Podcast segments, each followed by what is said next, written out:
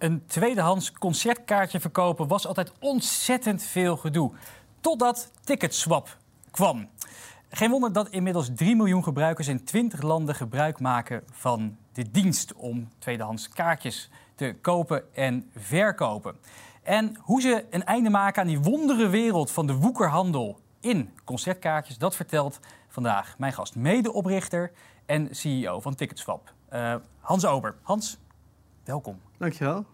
Um, er was ooit inderdaad een hele grote markt voor die woekerhandel in concertkaarten. Uh, die, die, gingen soms wel voor vijf tot tien keer de prijs uh, over de toonbank. Wat is nou het meeste wat jij ooit hebt betaald voor een, uh, voor een concertkaartje? Poeh, nou, ik weet niet. Ik denk, denk dat het zal rond de 220 euro zijn. Maar dat is dan voor iets wat oorspronkelijk niet heel veel goedkoper was. Wat, weet je nog waarvoor het was? Sowieso een keer voor Lowlands. nee, verder was het dat, dat denk ik wel. Je bent ooit in je studietijd begonnen als uh, autoverkoper. Ja, klopt.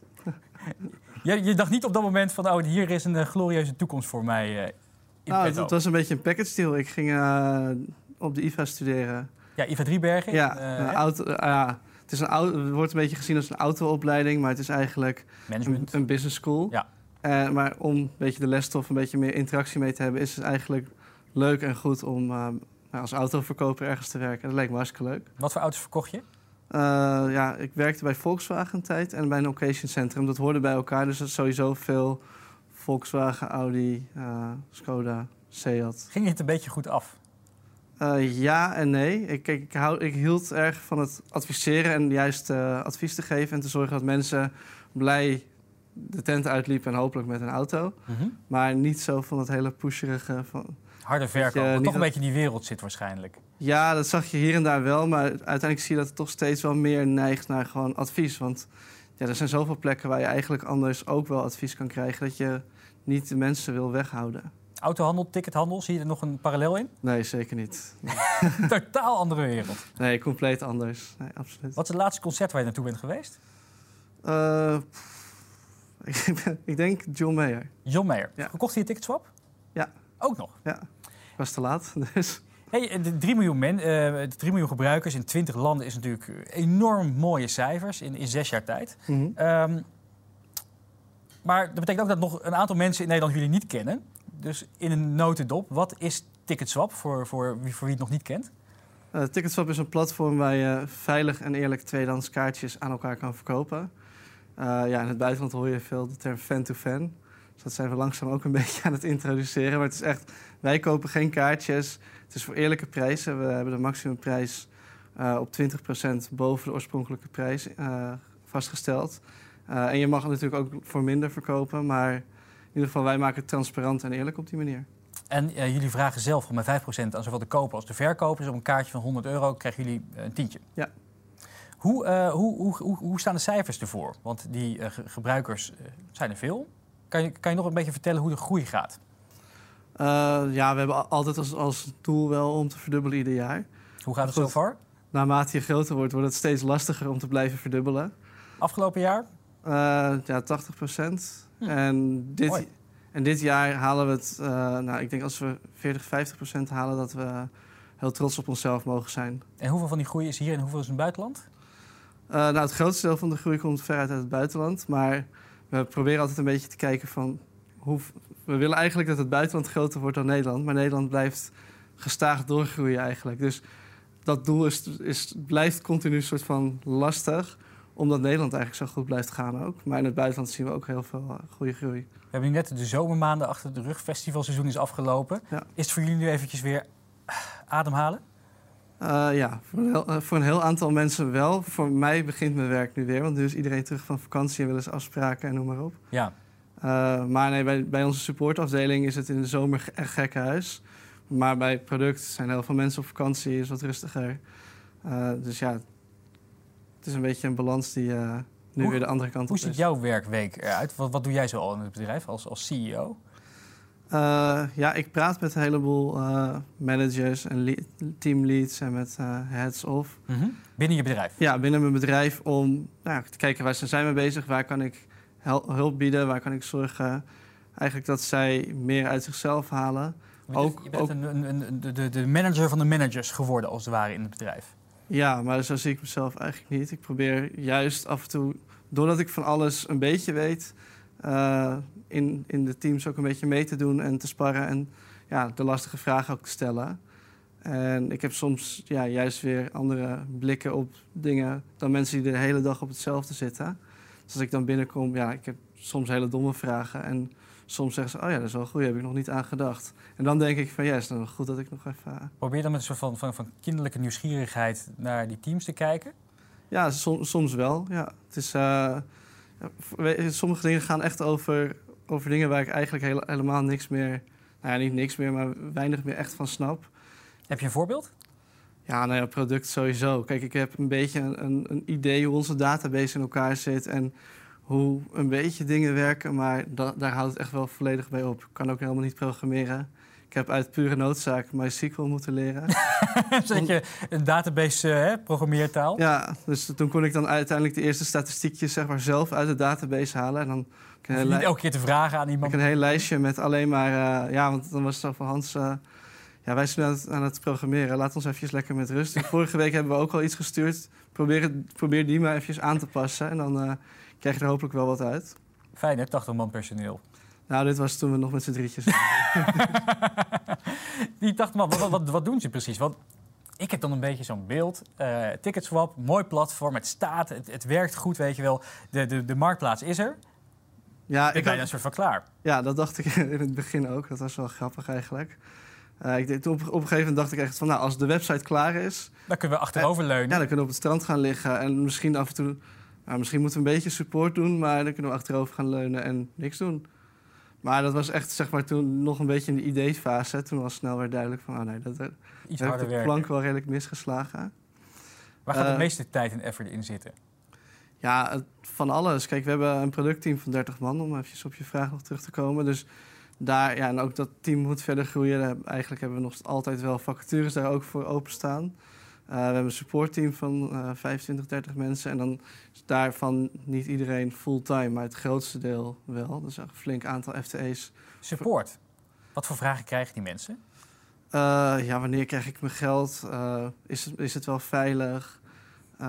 ja, goed, we hebben heel veel verschillende evenementen en die allemaal verschillende eigenschappen hebben. Dus ja, daar zijn er soms wel vragen over van, kom ik wel binnen? Ze zeggen dat je niet binnenkomt met een, kaartje van iemand anders. Maar jullie verkopen ze toch. Kunnen, kan ik dan alsnog binnenkomen en zo? Uh, ja, dat soort dingen. En daarnaast hebben we natuurlijk een team wat helpt wanneer een kaartje niet heeft gewerkt. Uh, ja, dus we doen er alles aan om te voorkomen dat een kaartje niet werkt. Maar uiteindelijk, ja, als het dan gebeurt, dan willen we ook dat het netjes wordt opgelost. Dus daar hebben we ook een aantal mensen op zitten. En we hebben een content team wat vooral bezig is om te zorgen dat uh, nou ja, gebruikers gecontroleerd worden, regels daarvoor opstellen, zorgen dat evenementen juist zijn ingesteld. Uh, ja, dat... Want je bent het ooit uh, begonnen, we gaan even zes jaar, zes jaar terug in de tijd. Ja. je wilde een kaartje voor Lowlands verkopen. Je ging op Marktplaats en het was me toch een gedoe? Ja, het was een, ja, het was een enorm vervelende ervaring eigenlijk. En je had Marktplaats, je had Facebook eigenlijk als twee enige opties.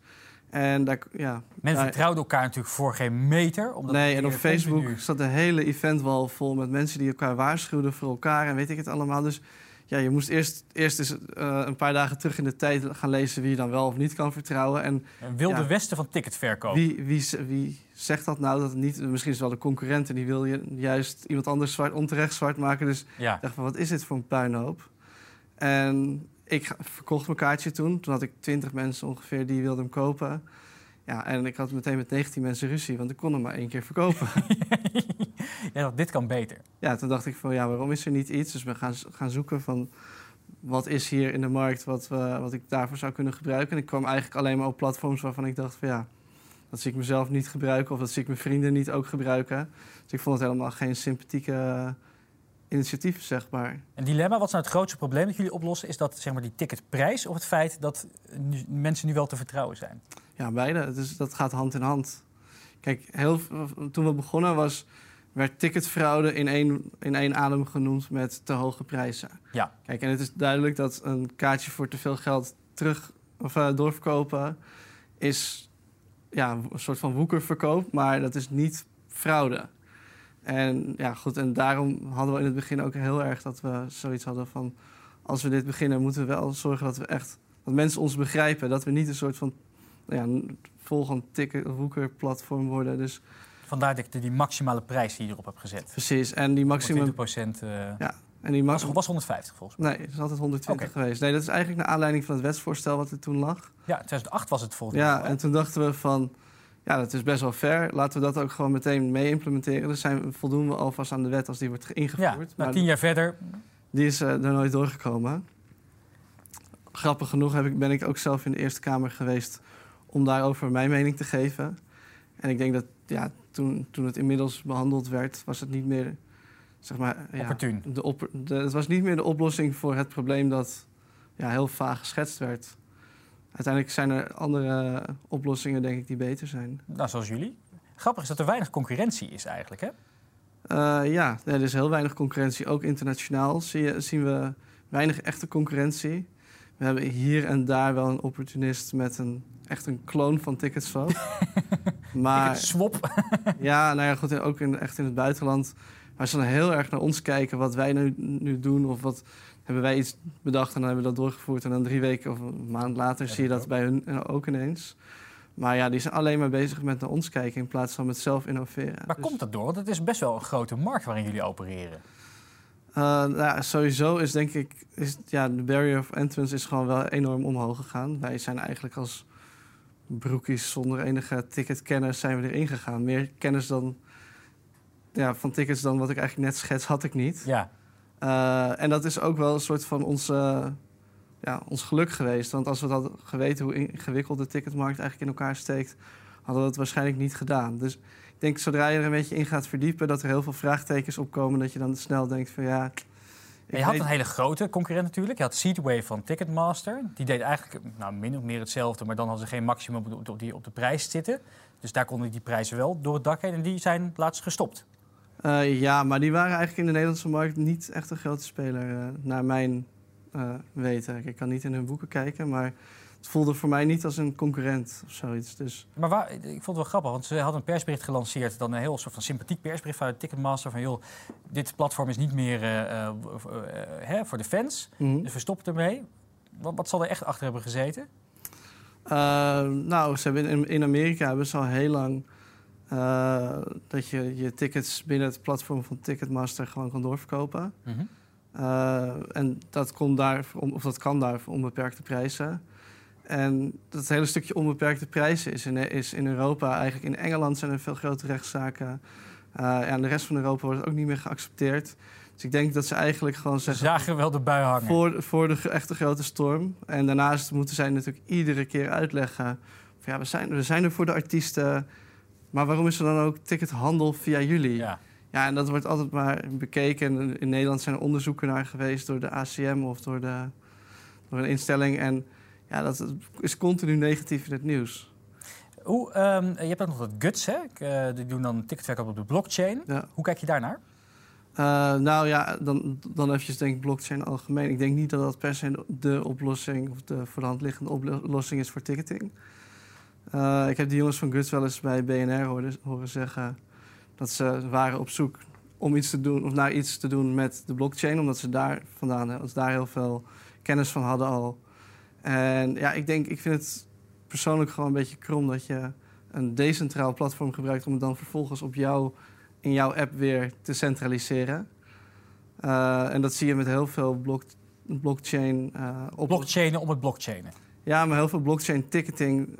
dat gaat uit van een aantal uh, aannames... dat doorverkoop altijd slecht is. Doorverkoop is... Je ziet aan ons succes eigenlijk al... dat er is een enorme vraag vanuit fans... om te kunnen doorverkopen. En ja, dat kan je dan binnen zo'n app kan je dat helemaal afsluiten... maar dat kan ook op allerlei andere manieren. Wij zijn gekoppeld met allerlei ticketbedrijven. Als je kaartjes op naam verkoopt en met ons dan Secure Swap hebt, is dat ook een gesloten ecosysteem. Ja, daar wil ik zo meteen nog wat over vragen. Het doorverkoop is niet per se altijd slecht. Maar ik zat me ook af te vragen, weet je, die, uh, er is ook een argument te verzinnen... dat uh, uh, een prijscap stellen op die tickets dat, dat eigenlijk niet nodig zou moeten zijn. Want hè, we hebben gewoon marktwerking. Ja. Wat, wat wil de markt ervoor geven? Nou, dat is een bepaald bedrag. dat klopt. Maar heel veel artiesten en heel veel nou ja, organisaties kiezen ervoor om tickets betaalbaar te houden. Dus eigenlijk het verschil tussen de werkelijke waarde en de marktwaarde... Is best wel... Is, e-, kan echt soms wel enorm zijn. Kijk, ik weet, Joep van het Hek die zit dan bij Guts. Uh, en ja, die verkoopt bewuste kaartjes voor mindere of lagere prijzen... als dat hij eigenlijk zou kunnen krijgen, zou kunnen krijgen als je het gaat uh, maximaliseren. Een soort, een soort van maatschappelijk oogpunt dat iedereen ja, maar bijvoorbeeld zou moeten kunnen. Madonna die is uh, in de Ziggo Dome geweest. En die, ja, volgens mij waren de kaartjes uh, vanaf 220 euro. Maar ja, die staat er één avond. Die, die vullen ze gewoon voor het maximumbedrag wat zij denken dat ze kunnen, krijgen. kunnen vragen. En ja, dat, dat is dan eigenlijk niet meer realistisch voor heel veel mensen die uh, haar dus niet, niet meer kunnen betalen. Maar er zijn nog genoeg om een Ziggo te vullen.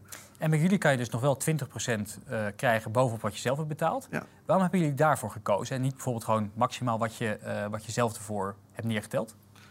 Uh, nou ja, wat je zelf ervoor hebt neergeteld is als het goed is gewoon ook een eerlijke prijs. Ja. Uh, ja, eigenlijk willen we. Maar, waar, waarom die 20% marge nog te boven? Nou, we, willen, die, we vinden die hele woekerhandel eigenlijk. Die, het uitbuiten van fans is gewoon niet. Niet oké? Okay. Nee, dat is gewoon niet oké. Okay. En ik heb liever dat organisaties hun evenementen duurder maken, zodat zij volgende keer meer of betere uh, evenementen kunnen neerzetten. Mm -hmm. Dan dat het geld belandt in de handen van handelaren.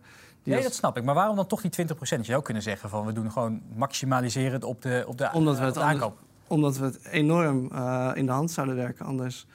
Uh, die woekerhandel. Kijk, we hebben een heel mooi platform waar heel veel vraag en heel veel aanbod zit. Ja? En ja, dan ga je krijgen dat bij ons kaartjes ook voor vijf keer. Nee, nee maar dat, je, dat, je, dat jullie zeggen dus ook die 20% bovenop de originele verkoopprijs, mm -hmm. ook dat doen we niet. Dus je mag alleen oh, maar zo, verkopen ja. Uh, voor de prijs waar je het oorspronkelijk voor hebt gekocht. Nou, omdat uh, ja, dat, dat had één, één met het uh, wetsvoorstel te maken. Mm -hmm. En twee, kijk, het voelt natuurlijk ook wel vervelend om je kaartje te verkopen als je. Het, weet ik veel, je hebt een kater en het is super mooi weer. Iedereen ja. wil je kaartje kopen. Dan, en je, wordt op je hebt toch altijd wat hessel aan natuurlijk. Je moet ja, en zetten. kijk, je levert ook nog 5% service fee aan jouw kant in. Ja. Dus je houdt niet die volle 120% over. Mhm. Dat is 114 uiteindelijk. Ja. Uh, ja, dus daarom willen het een kleine, kosten voor de moeite. Kleit, een kleine incentive om in ieder geval te zorgen dat, dat mensen überhaupt ticketswap wel gaan gebruiken. Want we moeten wel ook een beetje pool hebben, zeg maar. Nou. Ja, anders gaan ze misschien hem toch op marktplaats zetten Ja, uiteindelijk. ja precies. Uh, jullie hebben dat secure swap systeem. Daarmee zorg je dus ervoor dat e-tickets, want hè, dat, je krijgt vaak zo'n pdfje. Uh, uh, het gevaar was eigenlijk altijd dat, dat iemand zo'n e-ticket meerdere keren ging doorverkopen. En dat één iemand die als eerste aan de deur kwam het geluk had en de rest uh, Ja. en jij het geld. Met dat secure swap systeem is dat niet meer mogelijk. Nee. Nee, daarmee valideren we op het moment van plaatsen van hey, is het kaartje geldig, is dat voor dit evenement en noem maar op. Mhm. En op het moment dat die gekocht wordt, uh, checken we dat nog een keer en dan wordt die gecanceld. En dan wordt er een compleet nieuwe uitgegeven op de naam van de koper. En je kan zelfs per ticket, dus als je er vier koopt, kan het zijn dat de organisatie verplicht stelt dat je ze per ticket nog personaliseert. En uh, uh, dat is best een complex systeem. Want je moet dan gaan, gaan koppelen met alle systemen, alle backend systemen Ja. van die ticket, van die uh, evenementorganisatoren. Ja, nou ja, goed, we hebben dat, zeg maar, zeg maar, de eerste paar keer was dat natuurlijk het moeilijkst. We hebben het met een aantal grote partijen ook gedaan, waaronder Paylogic. Maar ja, daar, heb je, daar zie je gewoon dat heel veel uitzonderingen maken het heel ingewikkeld en uitgebreid systeem. Maar ja, als je die eenmaal getackeld hebt, dan is de rest eigenlijk uh, easy. Wat, wat was de grootste uitdaging daarbij?